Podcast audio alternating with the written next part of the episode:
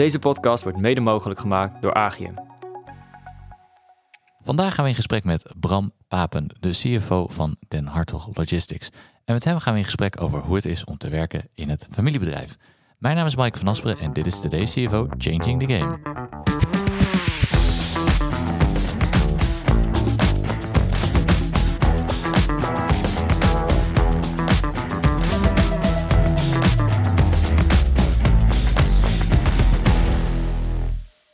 Bram, welkom.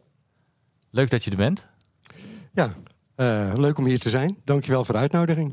Graag gedaan. Ja, ik, ben, uh, uh, ik ben erg benieuwd naar je verhaal en wat je te vertellen hebt. En ik denk dat je wel mooie leerlessen hebt van de afgelopen jaren bij Den Hartog. Maar daar komen we zo meteen vast op, op terug. En naast mij zit mijn co-host voor vandaag, Stefan.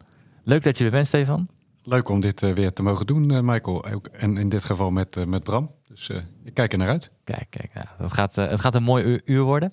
Um, Bram, natuurlijk altijd de eerste vraag altijd even. Stel jezelf, uh, wil je jezelf even voorstellen? Wil je vertellen wie je bent, wat je doet? Ja, helemaal goed. Ik ben Bram Papen.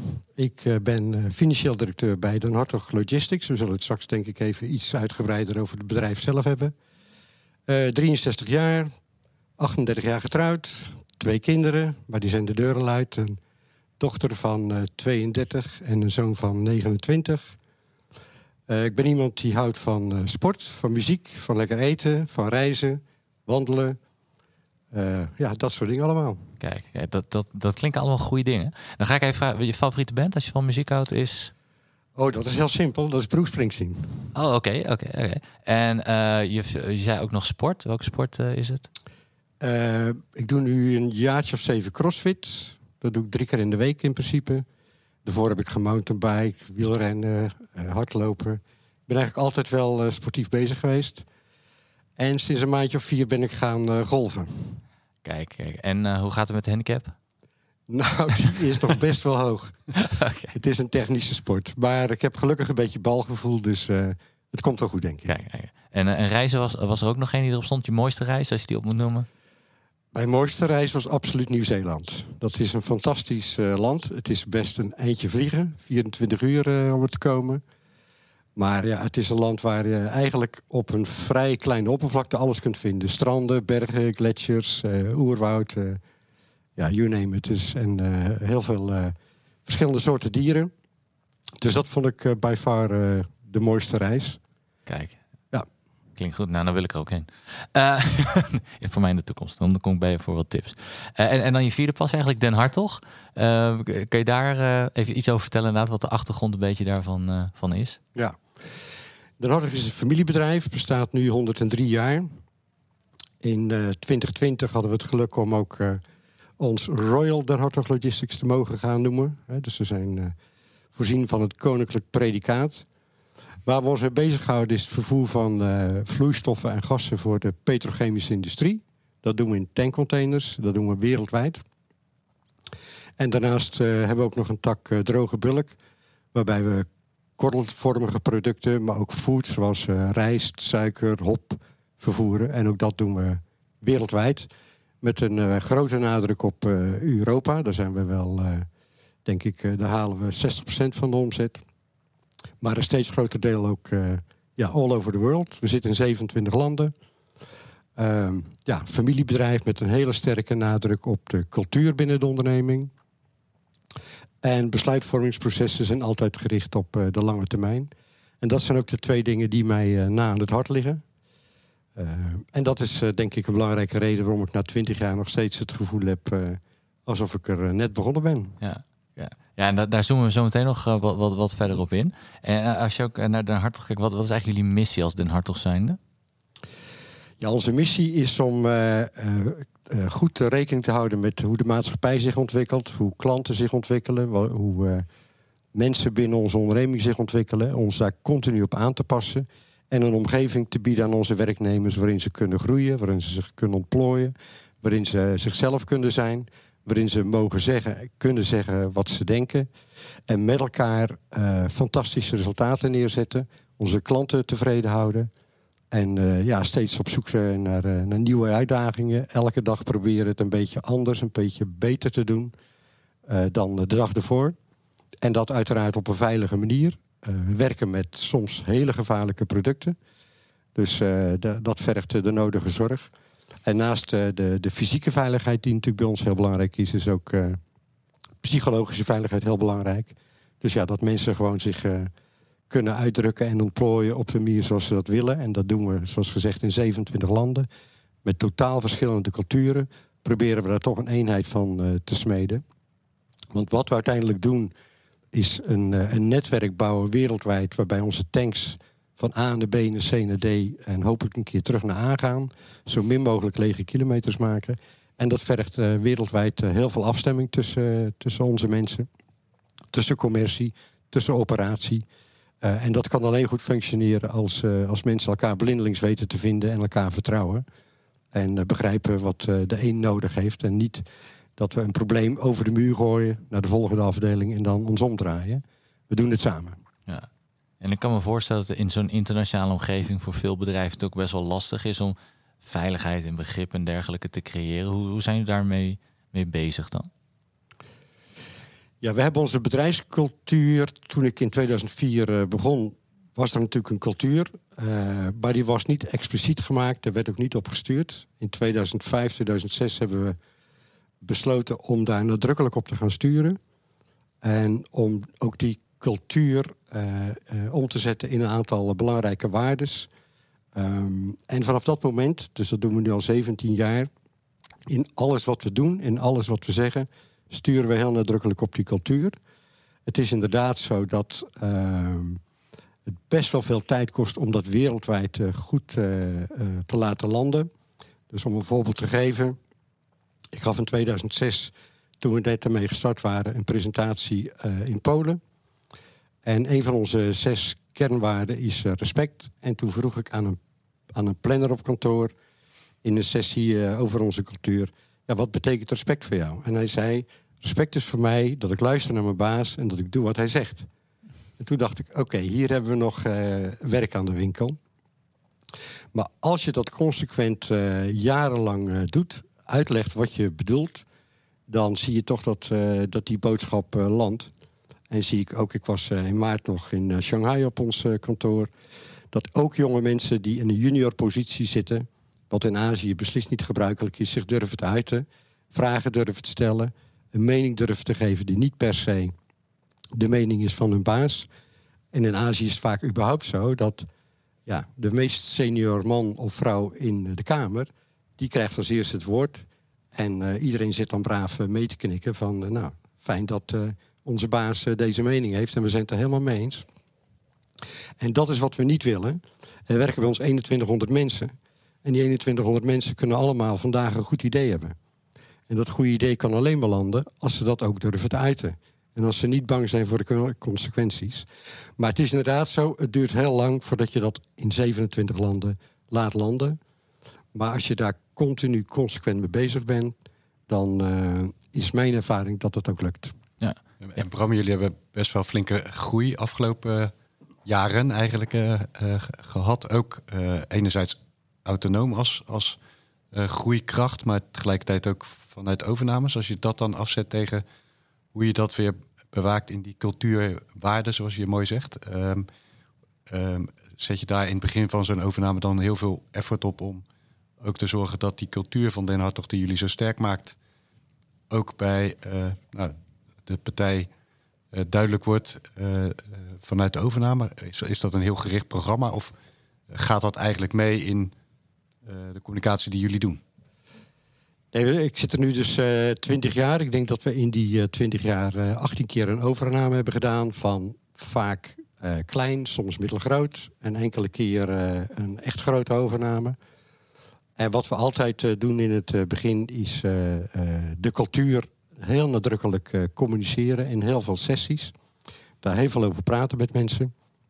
En het tweede wat we doen is dat we die mensen ook heel snel meenemen in ons uh, IT-systeem. Want dat is uiteindelijk wel een belangrijke basis om uh, dat netwerk te kunnen laten draaien. Dus cultuur heeft in de eerste honderd dagen enorm veel aandacht van ons. En we, we, beginnen ook altijd natuurlijk ervoor te zorgen dat met name op managementniveau de mensen die leiding geven aan dat bedrijf onze cultuur begrijpen en onze cultuur ook kunnen uitdragen. En als dat niet lukt, dan, eh, ja, dan grijpen we daar ook op in. Want voor ons is dat eh, eh, basisvoorwaarde nummer één.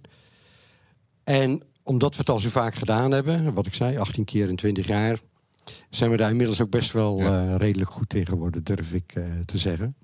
Durf je ook te zeggen dat, dat ehm, eigenlijk voor een overname die cultuur ook een ehm, belangrijke waarde is, of dat in het bedrijf al zit ehm, als je het gaat overnemen? Dus laten we zeggen, zitten bedrijven die je overnemen cultureel dicht bij jullie dan? Is dat dan een voorwaarde? Of probeer je het ook echt te veranderen als het niet zo is? Idealitair is het natuurlijk zo dat die cultuur dan eh, eh, redelijk aansluit bij die van ons. Maar dat is in een aantal gevallen zeker niet het geval geweest. Onze laatste overname van een middelgroot bedrijf was eh Muto. Met vestiging in Korea, Thailand en Maleisië. Ja, daar heerste toch wel de cultuur die ik net ook even over eh, China beschrijf. Eh, iedereen kijkt en luistert naar de baas. Ja. En gaat dan doen wat, eh, wat de baas zegt. Dus eh, nee, die cultuur sluit niet altijd aan. Het kost soms ook, in de- ook in dit geval best wel wat tijd om dat goed te laten landen. Sommige mensen kunnen daar dan ook, ook niet helemaal in mee. Dat is natuurlijk altijd jammer. Maar ja, dan, daar zijn we wel rigoureus in. Mensen moeten onze cultuur eh, begrijpen en zich daar ook eh, wel bij voelen. Ehm, en je merkt vooral ook in, hè, in dit geval Aziatische landen, dat zeker de jongeren, en dan reken ik even, laat ik zeggen, de 40-minners, dat die heel snel het heel fijn vinden dat er een situatie ontstaat waarin ze ook gewoon mee mogen denken en mee mogen praten. Het zijn dan soms wel de oudere mensen die die slag wat moeilijker kunnen maken. Ja, omdat die toch wel redelijk doordrenkt zijn van de cultuur in, in, die ze al jarenlang hebben gehad. Dat is natuurlijk best wel lastig om mensen echt te veranderen. Daar zit de grootste uitdaging natuurlijk vaak in.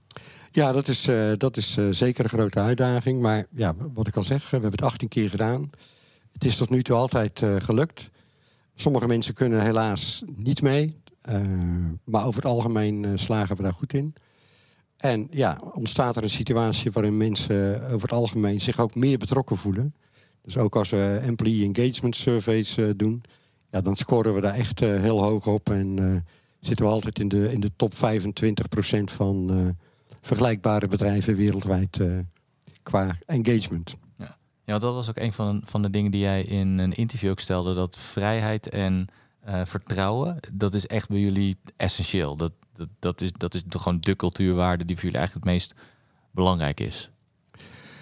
Ja, als mensen binnenkomen, wat ik al zei, we hebben zes, eh, zes waardes, maar overkoepelend gaat het eigenlijk om een paar dingen. Eh, ik noem het altijd maar eh, de vier V's. Vertrouwen is de basis. Dus iedereen die bij ons binnenkomt, die krijgt 100% vertrouwen. We gaan ervan uit dat je elke dag datgene doet wat goed voor jezelf is, maar ook wat goed is voor het bedrijf. Dus vertrouwen is de basis. Vervolgens geven we ook de mensen vrijheid. De vrijheid om een mening te hebben, de vrijheid om die mening te uiten, de vrijheid om initiatief te nemen, om iets op een andere manier te doen. En daar hoort wel bij eh, verantwoordelijkheid. Dus we verwachten ook van mensen dat ze serieus de verantwoordelijkheid pakken, die bij die rol hoort en bij het vertrouwen en de vrijheid die ze krijgen. En de laatste V die we nadrukkelijk niet geven, is de V van vrijblijvendheid. Dus als je bij ons werkt, dan, eh, dan verwachten we dat je je werk met interesse doet, met passie doet, dat je eh, eh, plezier hebt in je werk. En als dat er niet is, als je eh, ja, denkt dat je met vrijblijvendheid en gewoon om negen uur binnenkomen en om vijf uur weer naar huis gaan en een beetje achteroverleunen, ja, dat past niet bij, bij ons. We willen dat mensen verantwoordelijkheid nemen en initiatief nemen. Ja, en je probeert op die manier natuurlijk ook ondernemerschap eh, en initiatief heel erg te stimuleren dat mensen dat, dat doen.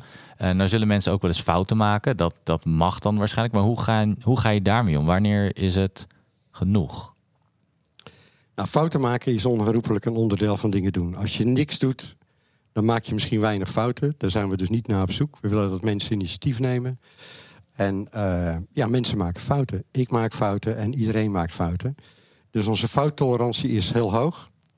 Ehm, wat we wel altijd zeggen, als iemand een fout maakt, eh, laten we analyseren wat kunnen we van deze fout leren. En hoe kunnen we voorkomen dat je dezelfde fout nog een keer maakt.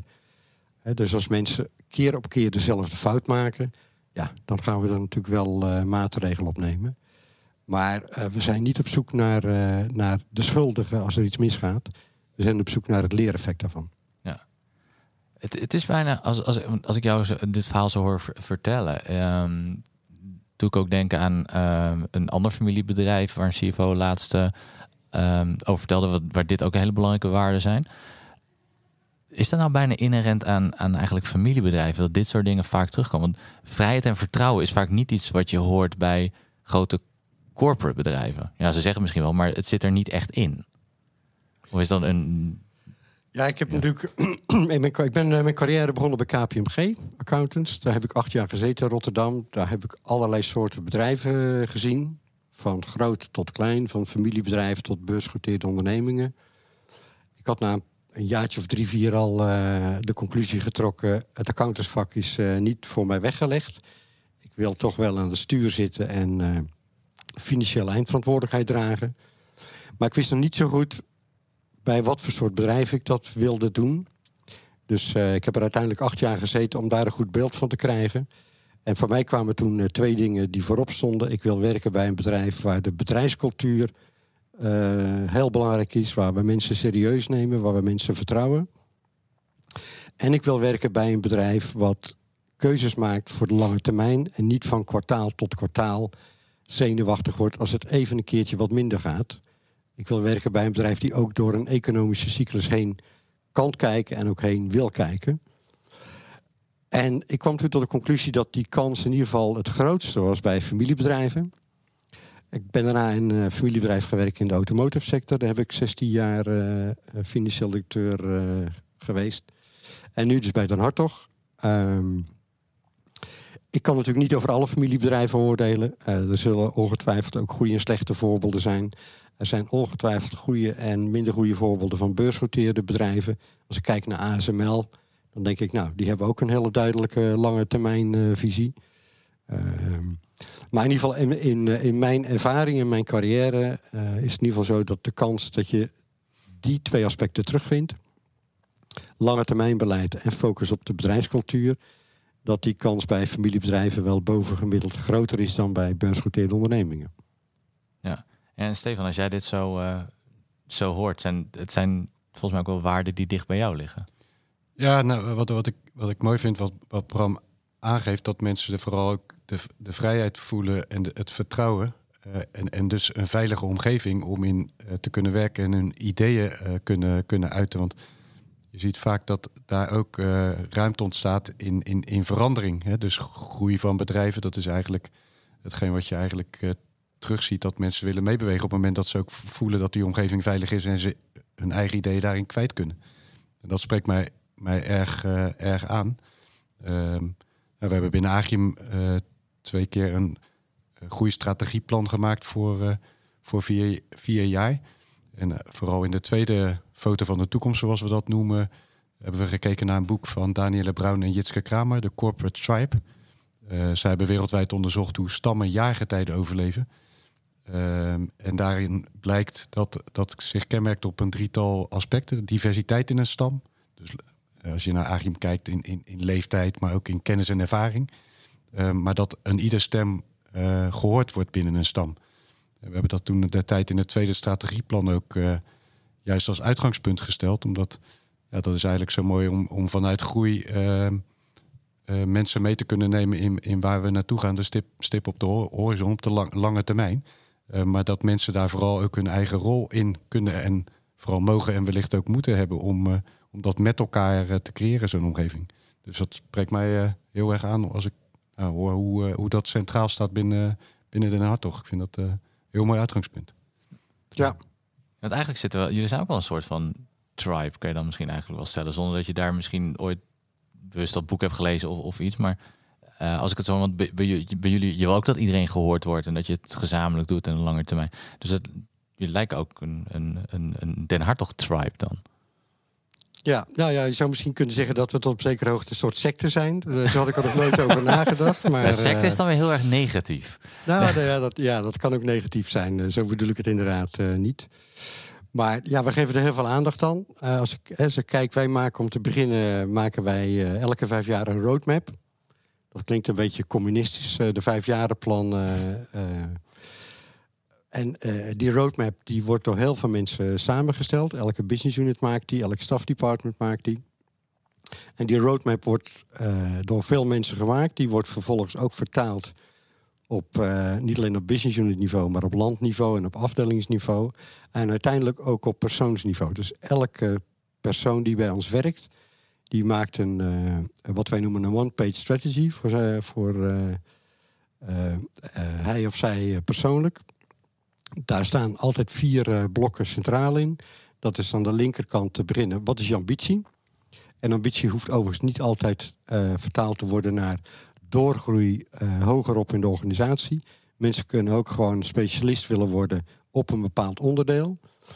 Het tweede blok is dan, wat heb je daarvoor nodig? Uh, opleiding, training, andere zaken die daarbij een rol spelen.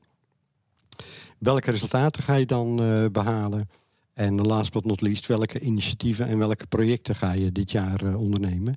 En zo krijgt iedereen een inbreng die uiteindelijk gezamenlijk moet passen in die, in die vijfjaars roadmap.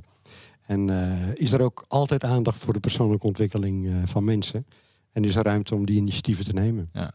En daarom is ook de vrijblijvendheid ook eigenlijk gelijk weer weg natuurlijk voor, voor mensen. Want je moet opschrijven wat is jouw bijdrage of hoe ga je jezelf ontwikkelen of wat is je ambitie. Dus die vrijblijvendheid neem je daar ook eigenlijk mee. Ja, er is uh, tot op zekere hoogte dan geen ontsnappen aan. Dat klinkt een beetje ja. negatief natuurlijk. Maar de, de, de positiviteit staat natuurlijk voorop. Dat mensen zich kunnen ontwikkelen, kunnen ontplooien. Dat ze kunnen doen waar ze, waar ze blij van worden. Uh, en dat komt ook hè, terug in onze waarden. Een van de zes waarden die misschien een beetje een vreemde eend in de bijt is, uh, is uh, fun in business. We willen ook lol hebben. En dat doen we op allerlei manieren. Dus elk kantoor heeft wat wij noemen een, een fun in business team. En die ontwikkelen activiteiten met elkaar. Dat kan zijn met Valentijnsdag of dat kan zijn met, uh, met Pasen, een kerst of een kerstontbijt of nou allerlei uh, activiteiten die erbij horen. En daarnaast hebben we ook op elk kantoor een uh, ambassadeur van Den Hertog Community Cares. Een programma wat nu een jaartje of zes loopt. Waarbij in totaal 150.000 euro budget beschikbaar stellen wereldwijd. En elk kantoor, en dat zijn er al geen 27, want we hebben in totaal 50 kantoren, omdat we in veel landen ook op meerdere plekken zitten. Kan dan een lokaal initiatief steunen, een goed doel. Uh, waarbij altijd de restrictie is, het gaat niet alleen om geld geven, dat budget uh, dat is er. En we hebben graag dat ze dat budget ook opmaken. Maar ze moeten ook met het lokale team iets gaan doen. En dat kan zijn een lokaal dierenasiel opknappen, schilderen. In, ons kantoor in Shanghai heeft nu een een school uitgekozen waar, waar weeskinderen zitten, waar ze Engelse les gaan geven. Uh, dus het gaat dan om de combinatie geld geven, maar ook actief betrokken zijn bij de lokale community. En wat je daarin terugziet, is dat het ook de band op kantoor enorm versterkt. en dat het ook, ja, het, het is enorm bevredigend om dan te zien dat je iets doet wat enorm gewaardeerd wordt door, die, door die mensen. Ja, je ziet dat ze gelijk zelf ook impact kunnen maken natuurlijk, doordat je les gaat geven of, of als persoon zijn, je kan geld geven. Maar in dit geval, je ziet letterlijk wat je, wat je doet. Ja, dus de mensen die aan dit soort programma's meedoen, ja, die komen eigenlijk altijd uh, dol enthousiast uh, terug. Ja. Ik zag dat jullie ook uh, voor, voor, Oekraïne en ook voor Turkije de aardbeving door inzet en middelen, nou, jullie bemoeienis daarin op een goede positieve manier hebben gedaan. Dat, dat zijn wat, noem het maar even, wat grootschaligere acties, denk ik. Ja. Nee, absoluut. Uh, dat zijn natuurlijk gebeurtenissen die een enorme impact hebben uh, lokaal. En waar we dan als Dan Hartog in ieder geval met onze logistieke ervaring sowieso wat aan kunnen doen. Ja. Uh, door geld te geven, waarbij we ook werknemers de mogelijkheid geven om daar zelf ook nog persoonlijk iets aan bij te dragen. Ja, hebben we ervoor gezorgd dat er in ieder geval hulpgoederen die kant op gaan. En zo, ja, al is het maar een klein steentje, toch ook vanuit, vanuit onze onderneming en met onze mensen een stuk ondersteuning te geven. Ja, in dit soort humanitaire rampen, want dat zijn het natuurlijk. Ja. Maar als je nou, nou terugkijkt, hè, want die kwam in 2004, uh, 2000, ja, 2004 kwam je binnen, als ik dat goed zeg. Um, dat, het bedrijf is enorm gegroeid. Je hebt een enorme ontwikkeling doorgemaakt in, in aantal mensen, in omzet. Um, je hebt allerlei eh, eh, programma's ontwikkeld ook om je cultuur te behouden. Ehm, het goede doel eh, wat, wat jullie ondersteunen. Dan, als je dan terug het bedrijf is wel heel erg veranderd in die tijd. En toch misschien ook wel hetzelfde gebleven. Nou, we zijn, eh, eh, natuurlijk zijn we enorm veranderd. Als je kijkt, eh, toen ik kwam was de omzet 100 miljoen. Als we het even naar getallen gaan herleiden. Vorig jaar was die 733 miljoen. Dus dat is een factor eh, 7 in eh, 19 jaar tijd. En we zaten toen met name geconcentreerd in Europa. En ook nog niet in alle landen waar we, waar we nu eh, zitten. En vandaag zijn we wereldwijd vertegenwoordigd in 27 landen. Dus dat is veranderd. Die cultuur ja, daar hebben we in ieder geval vanaf dat we het expliciet hebben gemaakt in 2005, 2006 geprobeerd om die eh, ja, wel te bewaken en een soort van eh, constant te houden, hoewel dat natuurlijk ook onderhevig is aan maatschappelijke invloeden. Eh, en de kunst is wel, en, en dat is denk ik een worsteling waar we in ieder geval ons elke dag van bewust zijn. Hoe houden we de, de, de, de, de kleinschaligheid, het familiaire gevoel, het gevoel dat we het met elkaar doen, hoe houden we dat in stand als we zoveel groter worden? Ehm, en dat is, eh, dat is een uitdaging. Ik denk dat we daar tot op de dag van vandaag nog steeds in eh, geslaagd zijn. Maar dat is denk ik de belangrijkste verandering in die groei. Hoe houden we het familiegevoel, het met elkaar doen, in stand als je zoveel groter wordt? En, en hoe, heb je dat, eh, hoe heb je dat voor elkaar gekregen? En, en hoe kan, stuur jij daar dan ook op? Of Hoe dan? Ja, ik vind zelf, eh, wat ik al zei, eh, lange termijn en bedrijfscultuur super belangrijk. Dus ik heb daar zeker ook een rol in gespeeld. Samen met mijn, met mijn collega's en natuurlijk met Pieter de Hartog, de, de directeur groot aandeelhouder van, van het bedrijf. Ehm, en dat doen we op die manieren wat ik net al zei. Dus mensen kunnen eh, eigen ontwikkelplannen maken. Eh, fun and business is een onderdeel van eh, datgene wat we doen. De Hartog Community Cares. En wat we ook heel veel doen, we besteden vrij veel tijd en geld aan samenkomen. Dus ehm, ja, we proberen echt wel meerdere keren per jaar ervoor te zorgen dat, dat mensen bij elkaar komen. Dat is een vrij dure exercitie als je mensen uit 27 landen Ja. laat overvliegen. Maar wij geloven in eh, de kracht van, eh, van persoonlijk contact. En we zien ook dat, eh, ook in tijden van corona, waarin dat bijvoorbeeld niet kon, doordat mensen elkaar al kennen, dan is een Teams meeting ineens wel een stuk makkelijker dan wanneer je dat met iemand hebt die je nog nooit hebt gezien en die alleen maar van de e-mail kent. En nu corona weer voorbij is, hebben we dat ook weer, weer opgepakt. Dus mensen uit allerlei geledingen van de organisatie. Ik heb het echt niet alleen over directie. Maar ook op, eh, op lagere niveaus proberen we bij elkaar te, brengen. En dan hebben we het altijd over een serieus onderwerp. Eh, dat is dan het thema. Maar we zorgen ook altijd dat er eh, tijd is voor het informele. En we zeggen vaak tegen elkaar in de board... het formele onderwerp is eigenlijk bijzaak. Het meest belangrijke en wat het meest gewaardeerd wordt... is het gewoon samen zijn. Met elkaar eten, met elkaar een activiteit doen... wat het nou ook is, of het nou boogschieten is of eh, wat anders. Eh, met elkaar eten en drinken aan de bar. D- daar ontstaan de echte relaties. Ja. En, en doe je dat dan specifiek ook nog met je finance afdeling? Want die zit waarschijnlijk ook wereldwijd. Ja, dus we halen ook eh, het finance team bij elkaar. Dus die zijn ook in november vorig jaar... zijn alle finance managers wereldwijd bij elkaar geweest. En dan natuurlijk hebben we dan een officieel eh, programma... waar bijvoorbeeld onder andere Deloitte, onze accountant... eh, een bepaalde presentatie eh, gaf... en ook andere mensen presentaties geven. Maar uiteindelijk zit de kracht ook in... ja, samen met elkaar eten en s'avonds aan de eh, een biertje of een wijntje eh, drinken en... eh, ja, elkaar echt leren kennen. Ja, dat is, dat, dat, en dat is in- inderdaad wel iets wat je natuurlijk de afgelopen twee jaar dan tijdens, tijdens die COVID-periode wat, wat gemist hebt. En dan weer extra gewaardeerd wordt op het moment dat je dat weer kan, kan doen, denk ik. Dan, Ja, mensen zijn eh, eh, de, eerste keren dat we dit, soort bijeenkomsten hielden, waren mensen echt eh, ja, super enthousiast om elkaar weer te ontmoeten. Mensen bij de Hartog zijn natuurlijk gewend om ja, in een internationale setting te werken. En dat zijn ook mensen die het, die het leuk vinden om andere mensen te ontmoeten, andere culturen, elkaar leren begrijpen. Ja, leren van hoe mensen anders denken dan wat ze zelf misschien doen. Dus ja, dat wordt eh, enorm gewaardeerd, dat bij elkaar komen. ja. Ge- geeft het jou ook een, eh, een gevoel dat eh, als, het, als het gaat, compliance is natuurlijk een, een belangrijk onderdeel in, in de finance functie. Dat je, doordat je ze regelmatig ziet, in de ogen kan, kan kijken, dat je meer gevoel van vertrouwen ook naar die, naar die mensen toe hebt?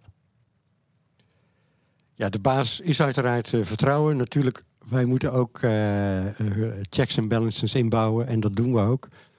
Maar het vertrekpunt is altijd, we vertrouwen de mensen lokaal.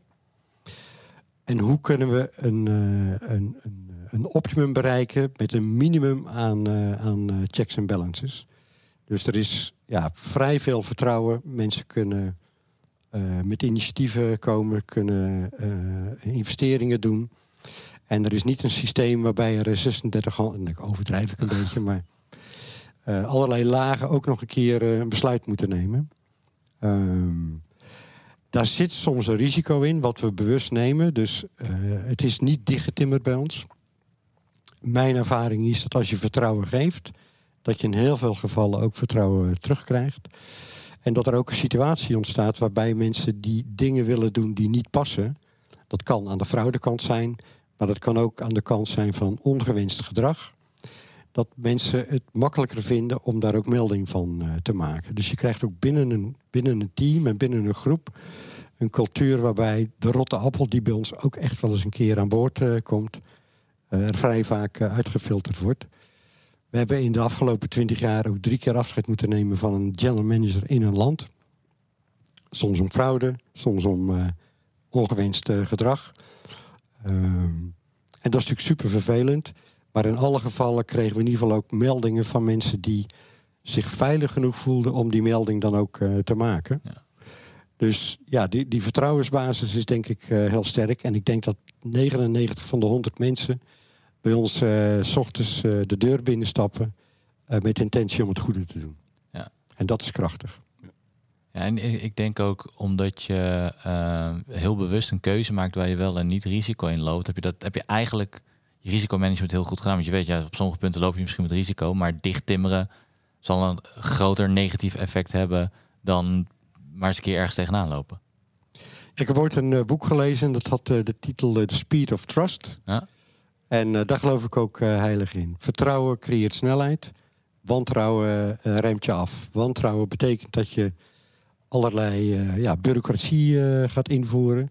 Dat je allerlei beslislagen gaat, gaat invoeren die dan overal iets van moeten vinden. En daar word je als organisatie niet, uh, niet sneller van. Uh, dus wij geloven in, uh, in de kracht van vertrouwen en de snelheid en de dynamiek die het oplevert. Ja. Kun, kun, je, kun je daarmee zeggen dat vanuit, vanuit het familiebedrijf, hè, want je hoort ook wel eens dat nou, de uitdaging vanuit het familiebedrijf is om juist niet de besluiten aan de keukentafel te nemen vanuit de familiesfeer, zo gezegd, maar vooral in het bedrijf en in, in die samenwerking. Ik denk dat als je die vrijheid en verantwoording juist ook zo, noem het dan maar even decentraal en ook echt vanuit het bedrijf de aandacht geeft, dat mensen die verantwoording ook durven te nemen. En dat los van het feit dat je met elkaar natuurlijk een boord hebt en een bepaalde governance daarin hanteert, uh, ook ten dele eigenlijk ondervangt dat die besluiten uh, min of meer vanuit uh, het, noem het maar even, het familieoverleg komen. Dus dat, dat ook de familie juist die verantwoording en het vertrouwen daarin belegt ook binnen de organisatie? Of, of, zeg ik daar iets geks?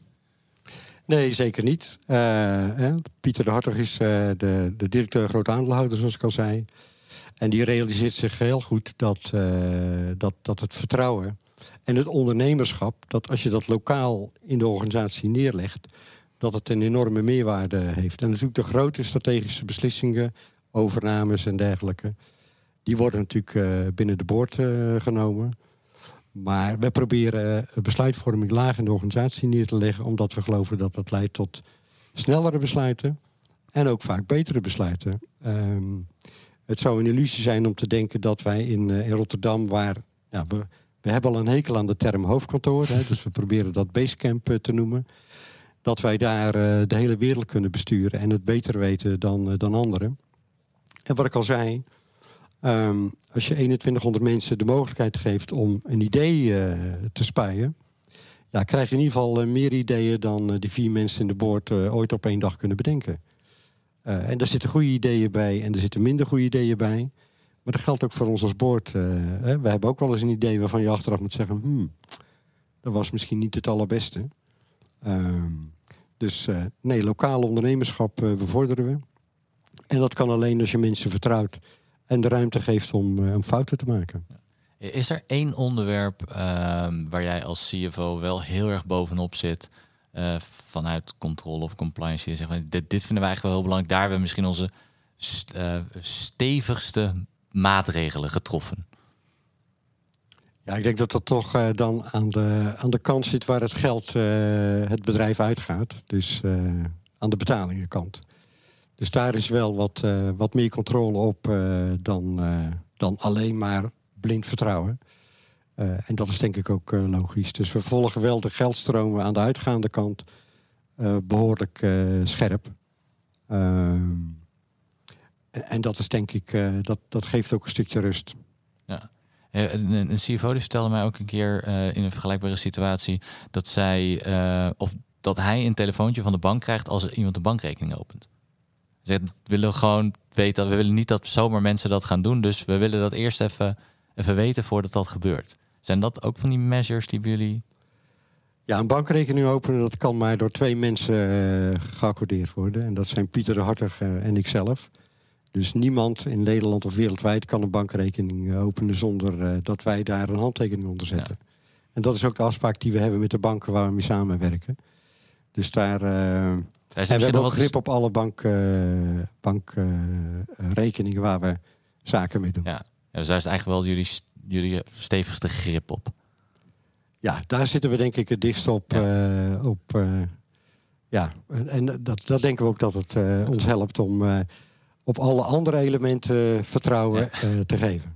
Ja, en op zich zullen dat soort maatregelen niet het ondernemerschap ondermijnen van mensen. Dat, ja, dat staat natuurlijk nee, Daar merkt eigenlijk van die 2100 man merkt bijna niemand wat van. Nee, nee, nee dat, ja. En als je nou naar je eigen rol kijkt, want toen je binnenkwam en waar je nu staat, eh, ik, ik denk dat jouw rol als CFO zijn of financieel directeur ook enorm veranderd is. Ja, zeker. Uh, ik denk dat, uh, laat ik zeggen, zeker aan de, aan de strategische kant en, de, en de cultuurkant, uh, dat ik daar uh, ja, ook mede mijn stempel op heb kunnen zetten in toenemende mate. daarnaast zijn ook onderdelen van de organisatie, zoals ja, wat de meeste mensen kennen als HR, Human Resources, maar wij noemen dat anders. Dan? Want wij noemen dat People and Culture. Oké, ja. Want wij denken dat mensen geen resources zijn. Dus daarom hebben we een hekel aan, aan die HR-term. Eh, maar people and culture en die IT-kant, dat zijn ook elementen waar ik verantwoordelijkheid voor heb. En ook het Den Hartelijk Community Cares programma, daar ben ik de voorzitter van. Chairman heet het dan bij ons. dus daar ben ik ook heel nauw bij betrokken. Dat zijn de zaken die in die twintig jaar nadrukkelijk erbij zijn gekomen.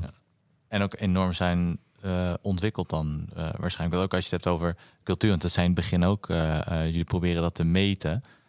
dat stond er natuurlijk ook niet van het moment dat je, dat je binnenkwam. Dat is ook iets wat de afgelopen jaren zich ontwikkeld heeft. Ja, ik denk dat we op die elementen dat ook veel professioneler doen dan in het begin. wat ik zeg, toen, toen ik startte was het familiebedrijf zeker ook met aandacht voor cultuur en de lange termijn. Maar niet op een hele bewuste manier uh, gestuurd. En dat hebben we in die afgelopen twintig jaar uh, ontwikkeld. Um, en daar, uh, ja, daar worden we elke dag nog steeds een beetje beter in. En dat, ja, dat is fantastisch om te zien.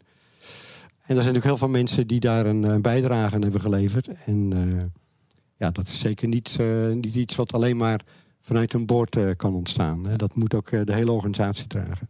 Hoe meet je eigenlijk cultuur? Hoe, ja, meten jullie dat? Ja, ik weet nog dat uh, wij openden een vestiging in, uh, in Houston in 2012. Dus we zijn tot en met 2010 waren wij Europees georiënteerd en zaten we ook alleen maar in Europa.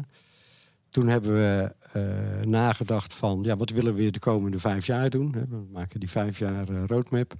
En kwamen tot de conclusie dat de chemische industrie in Europa die in de jaren 60 tot uh, zeg maar begin 2000 sterk groeide. Dat die in de decennia die zouden komen na 2010, dat die beperkt zou groeien. En we hadden een grotere groeiambitie. Dus we besloten, we gaan ook uh, global. We gaan gewoon wereldwijd uh, onze activiteit ontplooien. En toen zijn we begonnen met kantoren te openen. En we namen een, een, een general manager aan in Houston. En uiteraard is dan een van de eerste dingen waar we het over hebben... is onze bedrijfscultuur. En die man zei, ja, maar ik vind dat zo'n vaag verhaal. Hoe kunnen we nou sturen op cultuur? En dat kun je toch ook helemaal niet meten? Ehm, ja, dat ligt er ook aan hoe je, hoe je meten definieert. Maar wat wij zien uh, in onze uh, metingen die we elk jaar doen, de Employee Engagement Survey, waar we op allerlei aspecten meten, is dat uiteindelijk die, die betrokkenheid en die passie die mensen hebben bij de organisatie, als je dat in een getal uitdrukt, en dat gebeurt natuurlijk in zo'n survey, ja, dat we hele hoge scores hebben. En wat denk ik ook wel goed is om te vermelden, meer dan de helft van onze mensen zit niet op kantoor. Die zijn chauffeur, die zijn operator, die zijn monteur. En ook de scores aan wat wij noemen de non-office kant, ja, die zijn net zo hoog qua betrokkenheid uh, dan aan de kantoorkant. Dus dat betekent ook dat die mensen het gevoel hebben, ja, Dan Hartog is een goede werkgever, Dan Hartog neemt me serieus. Elke chauffeur heeft ook uh, het recht om op elk moment zijn werk te stoppen als hij denkt, hé, hey, dit voelt niet goed, dit is niet veilig. Dan is het dagje stop, neem contact op uh, met je planner en dan gaan we in gesprek met, met de klant. Hoe we die situatie kunnen tackelen. Ehm, die vrijheid en verantwoordelijkheid geven we ook op, op dat niveau. Ja. want dat is natuurlijk, je hebt inderdaad heel veel mensen die onderweg zijn. En dan sta je toch wat los van de cultuur die op een kantoor ehm, zit. Dus dat is inderdaad wel iets wat goed is om, om te meten. Maar hoe weet je het? Wat is de, ehm, de reden waarom ook zij zich zo verbonden dan, dan, dan voelen naast dat voorbeeld wat je net gaf? Wat zijn dan nog andere dingen waardoor ze zich zo verbonden voelen terwijl ze toch op afstand zitten? Ja, omdat we op allerlei manieren met ze communiceren. En ook chauffeurs uh, halen we bij elkaar een paar keer uh, per jaar hè, op lokaal niveau. Of dat nou in Nederland, België of in Italië of in nou ja, Polen of Hongarije is, of waar we ook chauffeurs hebben. En dat doen we ook een aantal dingen met ze gezamenlijk. Dat kan zijn een, een, een barbecue of een andere activiteit die ze met elkaar ondernemen. En ook zorgen dat, dat planners en, en chauffeurs goed met elkaar communiceren. En bijvoorbeeld vorig jaar, uh, en dat loopt nog steeds, zijn we een project aan het doen met de Universiteit Hamburg. onder de noemer Trust. Waarbij we heel veel aandacht schenken aan hoe vindt nou die communicatie plaats tussen een chauffeur en een planner. Want dat is natuurlijk het één op één contact wat elke dag plaatsvindt tussen die man die eh, voor ons eh, het werk opknapt eh, buiten en de mensen op kantoor. Ehm, en daarmee creëer je ook een situatie waarin de feedback die chauffeurs geven serieus genomen wordt. En wat natuurlijk heel vaak gebeurt is, althans wat ik terughoor van chauffeurs die bij andere bedrijven werken, is dat als ze al feedback geven, dat ze nooit meer wat horen. ja, daar begint het mee. Ja mensen serieus nemen en, en, mensen, en naar elkaar luisteren en met elkaar het gesprek gaan gaan. Ja, dat moet voor jou ook uh, herkenbaar zijn, of niet, Stefan? Ja, ik, ik, ik denk dat dat, uh, waar we het eerder over hadden, die veiligheid keren, dat mensen zich vertrouwd voelen om, om dat ook uh, allereerst terug te koppelen, maar daar ook vanuit de rol, zoals je dat vanuit de boord, maar ook alle aansturende mensen binnen, binnen het hele bedrijf, als die dat eh, zien dat die feedback ook weer terugkomt. Dat is denk ik een hele cruciale om dat eh, ook eh, continu te laten werken bij, bij, bij verdere groei. Dus dat vind ik wel knap hoe dat, hoe dat, hoe dat werkt. Ik zat mezelf nog af te vragen. in de tijd vanuit de KPMG-overweging richting het familiebedrijf. zei van nou, ik, vooral dat cultuuraspect en, en de langere termijn. als je daaraan toevoegt het ondernemerschap, heb je dat als complex gezien? In de zin dat ehm, als, je, als, je, als je dit, mooie bedrijf ziet en de groei die daarbij is gerealiseerd, ehm, dan zit daar, zit, daar ook, uh, zit daar ook het ondernemerschap in. Uh, vond je dat een lastige, of vind je dat een lastige balans? Uh, in de zin van, ik, ik, ken Pieter niet persoonlijk, maar in de, in de drijf naar voren, om daar ook af en toe, nou, vanuit wellicht het risico denken of vanuit financieringsdenken de juiste richting in te blijven lopen? Ja, ik denk dat in de, in de rolverdeling eh, eh, het wel zo is. Pieter is eh, de ondernemer bij uitstek. Eh, en eh, een goede ondernemer, denk ik. En die is per definitie ook een beetje opportunistisch. Ja. Ja, dat, dat is onvermijdelijk. Ehm, en daar ga ik eh, ver in mee, want ik hou ook van eh, de uitdagingen, van nieuwe dingen proberen. Eh, maar ja, soms moet ik wel eens toch het andere perspectief ook belichten. En ja, dan hebben we soms een stevige discussie, maar daar komen we altijd uit. Ehm, dus die, die balans tussen opportuniteit zoeken en eh, het risico, ja, dat heeft natuurlijk mijn aandacht. Eh, maar mijn riskappetijt ligt ook wel, eh, laat ik zeggen, iets hoger dan misschien gemiddeld voor de CFO. Dus ja, soms hebben we discussies. Daar komen we altijd uit. Soms doen we ook wel eens iets waarvan Pieter vindt, nou, ik denk dat dit kan. En soms doen we ook iets niet, omdat ik zeg, dit, dit moeten we misschien toch maar niet doen. En dat is een goede balans. En ja, daar hebben we in de beginjaren eh, eh, iets meer discussie over gehad dan eh, tegenwoordig. Omdat we natuurlijk, ja, na 19 jaar weet je wel eh, wat je aan elkaar hebt. Maar op zich, als je zo'n discussie aangaat, hè, want iemand ziet een, een, een kans. ehm, eh, ja, als, als CFO zijnde uh, rekent dat misschien, misschien door. eh kijkt wat de risico's erin zijn, et cetera. Hoe ga je dan zo'n discussie aan?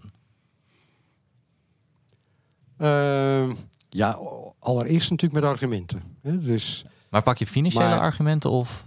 maar ik denk dat, eh, dat in een familiebedrijf, en dat is ook hoe ik er zelf naar kijk, een beslissing heeft altijd twee componenten. Een rationele component en een emotionele component. Ja.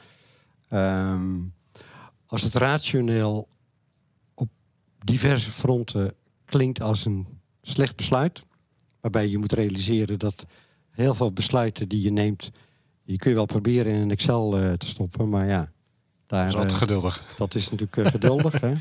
Beat the number still they confess, Ja, ja. eh, zeg ik dan wel eens. Maar soms zijn er objectieve argumenten waarop je kunt zeggen... Nou, het risico is best wel fors, dit moeten we misschien niet doen. Ehm, als er onduidelijkheid is, dan geeft denk ik de emotie, het gevoel, geeft eh, de doorslag. Voelt dit strategisch, vanuit lange termijn perspectief, goed voor het bedrijf? Nou, als het dan niet door de ratio eh, wordt eh, neergeknuppeld, dan gaan we het proberen. Dan gaan we het doen. Ja, ja. Maar, maar verlies je ook wel eens een, eh, zo'n argument toch puur op basis van de emotie die er heerst? Nee, dat, ik denk dat wat dat betreft altijd de samenwerking tussen Pieter en mij er eentje was van wederzijds respect. Naar elkaar luisteren. Ehm, en als een van ons twee het niet ziet zitten. Eh, ik heb ook wel eens een idee eh, waarvan Pieter denkt, oh, nou, voor mij hoeft het eigenlijk niet zo. Ehm, ja, dan, we zijn er altijd samen uitgekomen. Ja. En in zo'n in zo'n eh, gesprekken, zijn dat dan beslissingen die jullie ook gelijk nemen? Of laat je er juist, je praat met elkaar, je laat het even rusten en je komt daarna weer een keer terug? Ja, dat is denk ik van situatie tot situatie verschillend. Soms nemen we de tijd en krijgen we voortschrijdend inzicht, zoals wij dat noemen. Eh, hè, want we zeggen ook vaak tegen elkaar: only a fool never changes his mind. Wat vandaag een goed idee eh, is, kan morgen een, eh, een, een, een slecht idee worden door veranderde omstandigheden. Zo kijken we ook naar jaarplannen en budgetten. Een budget is belangrijk. Als je je budget niet haalt, heb je iets uit te leggen. En tegelijkertijd zeg ik altijd, een budget is iets waarvan we op een dag in oktober dachten, dit is een goed idee. Wat een budget nooit moet worden, is een excuus om twaalf maanden lang te stoppen met nadenken. Dus als de situatie verandert, op welke manier dan ook, dan is het budget ook een onderwerp van discussie. Ja. Dus die flexibiliteit van geest, die hebben we op die manier. Maar, en ook eh kijkend naar eh, ja, beslissingen die we nemen. Eh, soms nemen we de tijd. Ehm, soms nemen we beslissingen heel snel. Eh, als het kan, als de risico's laag zijn, dan zullen we het zeker eerder sneller doen dan, eh, dan langzamer. Ehm, en we leren heel snel. Dus als we zien, hey, we hebben een besluit genomen, dat was misschien te snel, het was misschien niet goed, dan stellen we bij. Ja. En dat verwachten we ook van onze mensen. Hè? Dus ook op lager niveau eh, hebben we liever dat mensen snel een besluit nemen wat soms verkeerd is, dan oeverloos gaan discussiëren, oeverloos nadenken. En uiteindelijk is het besluit al achterhaald. En, en zou je dan, eh, w- want je gaf aan, eh, als, als het budget niet gehaald wordt, dan, dan hebben mensen wat, wat uit te leggen. je zou kunnen denken dat, gelet op de cultuur die jullie hebben, uh, eigenlijk dat soort discussies nooit als een soort verrassing komen. Omdat mensen eigenlijk proactief al jullie waarschijnlijk op de hoogte houden van, van wat er gebeurt. Is dat dan ook zo? Of komen dat soort discussies ook wel eens als verrassing? Nou ja, we hebben natuurlijk eh, heel goed zicht op eh, hoe de onderneming financieel draait. Dus als we op een bepaalde plek het budget niet halen, dan zien we dat natuurlijk ver van tevoren aankomen. En over het algemeen snappen we dat ook, omdat mensen ons proactief eh, op de hoogte houden van de marktontwikkelingen, de gesprekken met klanten, hoe het gaat in tenders, waar we business winnen of business verliezen.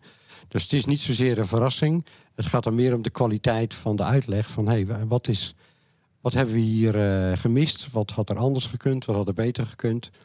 Uh, het is niet zo dat me, als mensen een budget niet halen, dat hun baan op het, spaan, op het uh, spel staat. Want zo zitten we niet in de wedstrijd.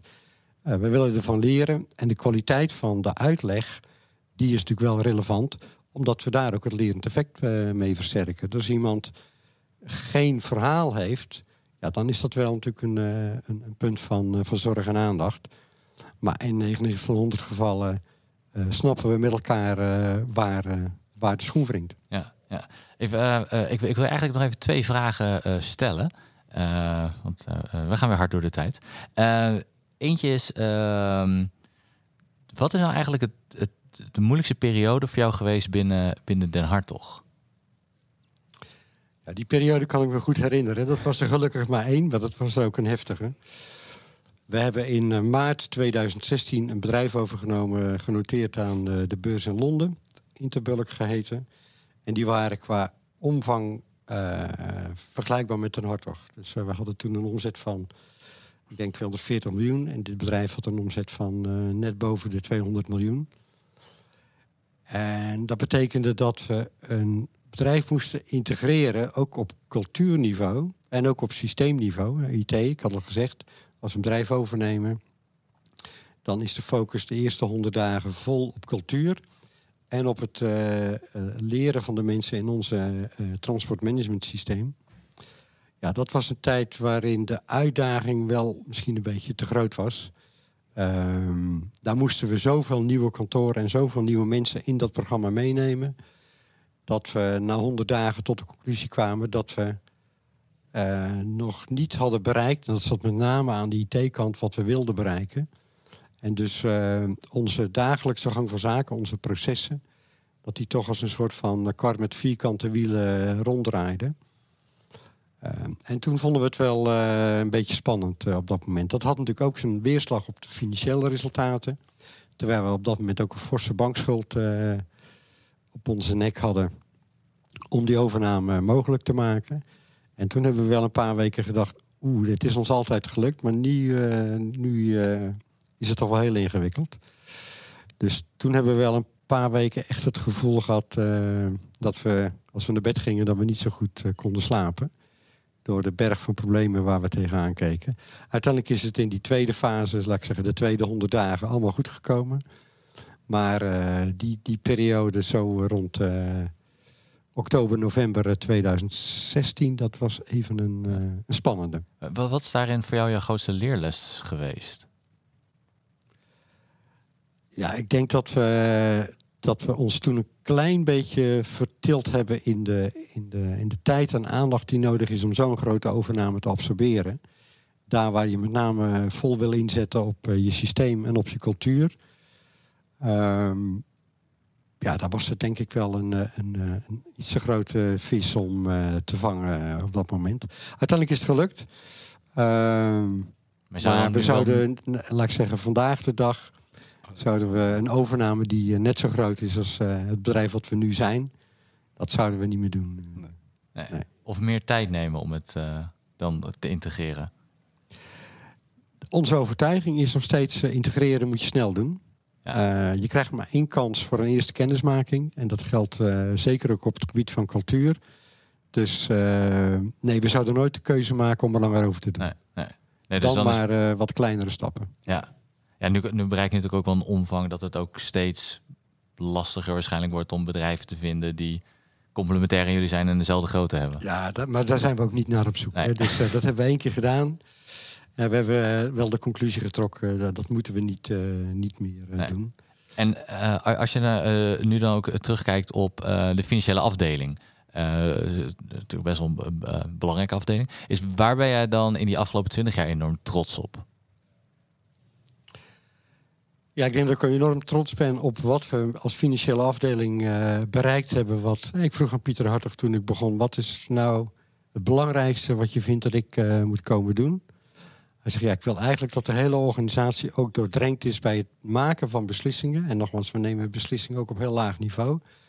Dat de organisatie de financiële component, de financiële impact van een beslissing altijd uh, meeneemt. toen zei ik, nou, dat is een mooie uitdaging, die, eh, die ga ik graag aan. En toen zei hij, nou, dat is mooi. hoe lang ga je erover doen? Ja, ik denk een jaar of twee, drie. Oh, hij zegt, dat kan toch ook wel binnen twee of drie maanden. Nou, dat is natuurlijk niet zo. Maar wat we denk ik als financiële afdeling bereikt hebben... is dat elke persoon die bij ons een rol speelt... in de relatie van de operatie of de relatie met de klant... of je nou een commercial manager bent, een account manager, een planner... iedereen weet en begrijpt op zijn niveau deze business, deze klant, deze leen. Een leen is een product van A naar B vervoeren. Of deze rit die een planner uitzet. Kan die in het systeem zien, verdienen we daar geld aan of niet? En daar houden mensen ook rekening mee bij het nemen van hun beslissingen. Uh, dus de, de, de, financiële transparantie die wij bereikt hebben, die is, ik zou bijna zeggen, maximaal en optimaal. Uh, en we hebben ook al onze mensen altijd meegenomen. En dat doet het finance team, de controlerteams die we hebben, die doet er ook veel aan. We leggen altijd de resultaten uit. Elk kwartaal halen we waar ook ter wereld de mensen bij elkaar. Leggen we uit wat onze resultaten zijn, wat er goed ging, wat er, uh, wat er beter kan. Uh, we nemen mensen mee in, in dat cijferverhaal. En mensen snappen dus ook waarom we dingen doen. En mensen snappen ook dat als ze met een initiatief of een plan komen, wat de impact is op hun onderdeeltje in, in die grote keten van, van radertjes die ronddraait bij de Noordrug. En, en is dat dan gekomen door um, dat finance van heel veel informaties gaan voorzien of gaan praten of combinatie van dingen? Hoe, hoe hebben ze dat voor elkaar gekregen? Ja, al die dingen die je net noemt. praten, uitleggen, mensen leren begrijpen, zorgen dat, uh, dat het transparant is.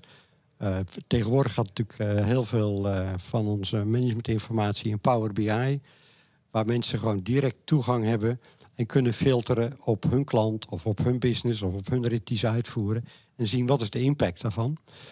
En door de, door de uitleg die we daaraan hebben gegeven, ook in, hè, we hebben ook uh, cursussen, uh, ik noem het maar even, financieel management voor dummies uh, gegeven. Non-financiële mensen, klinkt dat mooi. Non, ja, dat klopt. Non, non van, ja, dat klopt.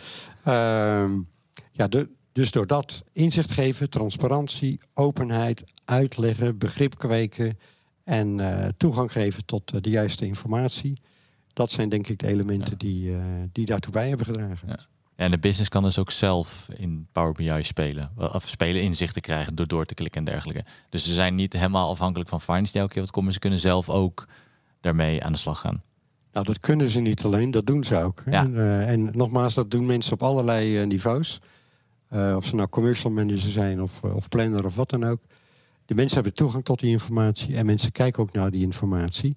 Ook al omdat ze uh, snappen wat het belang is van het onderkennen van de financiële impact van een bepaald uh, type business die we doen. Dus nee, er wordt heel actief gebruik van gemaakt. En natuurlijk is het zo dat ons finance team en de controllers teams, die maken ook hun analyses, delen dat met elkaar. ja, dat is echt een wisselwerking. Ja. En dan ga ik dan toch naar de laatste vraag toe. Nou, ik had er dus eigenlijk drie. Uh, en de laatste vraag is: uh, je zit nu 19 jaar bij uh, Ben Den Hartog. Ehm, gaat dit de kerst op jouw taart eh, worden? Of zou je graag nog wat anders willen doen? En als het de kerst is, wat, waar, wanneer kan je de Den Hartog achter je laten? Nou, ik denk dat het sowieso een moment komt dat het vanuit de wetgeving zou moeten. ik denk ook dat het vanuit een stuk gezondheid misschien ooit een keer verstandig zou zijn. Ehm, ik heb het nog elke dag naar mijn zin. Ik ga fluitend naar mijn werk. Ik vind het fantastisch om te werken met mensen in een internationale setting.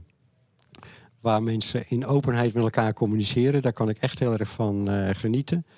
Eh, ook van de momenten dat eh, mensen het met me oneens zijn, eh, dat, dat is eigenlijk gewoon geweldig.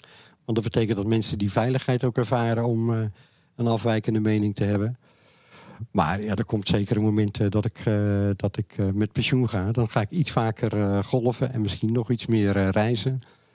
En misschien ook proberen om nog wel wat advies hier en daar te geven aan, aan jonge mensen of mensen die worstelen met bepaalde vraagstukken. Dat zou ik ook heel, heel mooi vinden. Wat, wat zou je nou nog willen bereiken dan om bij Den Hartog zelf om met een gerust gevoel, laten we zeggen, de deur achter je dicht te kunnen laten?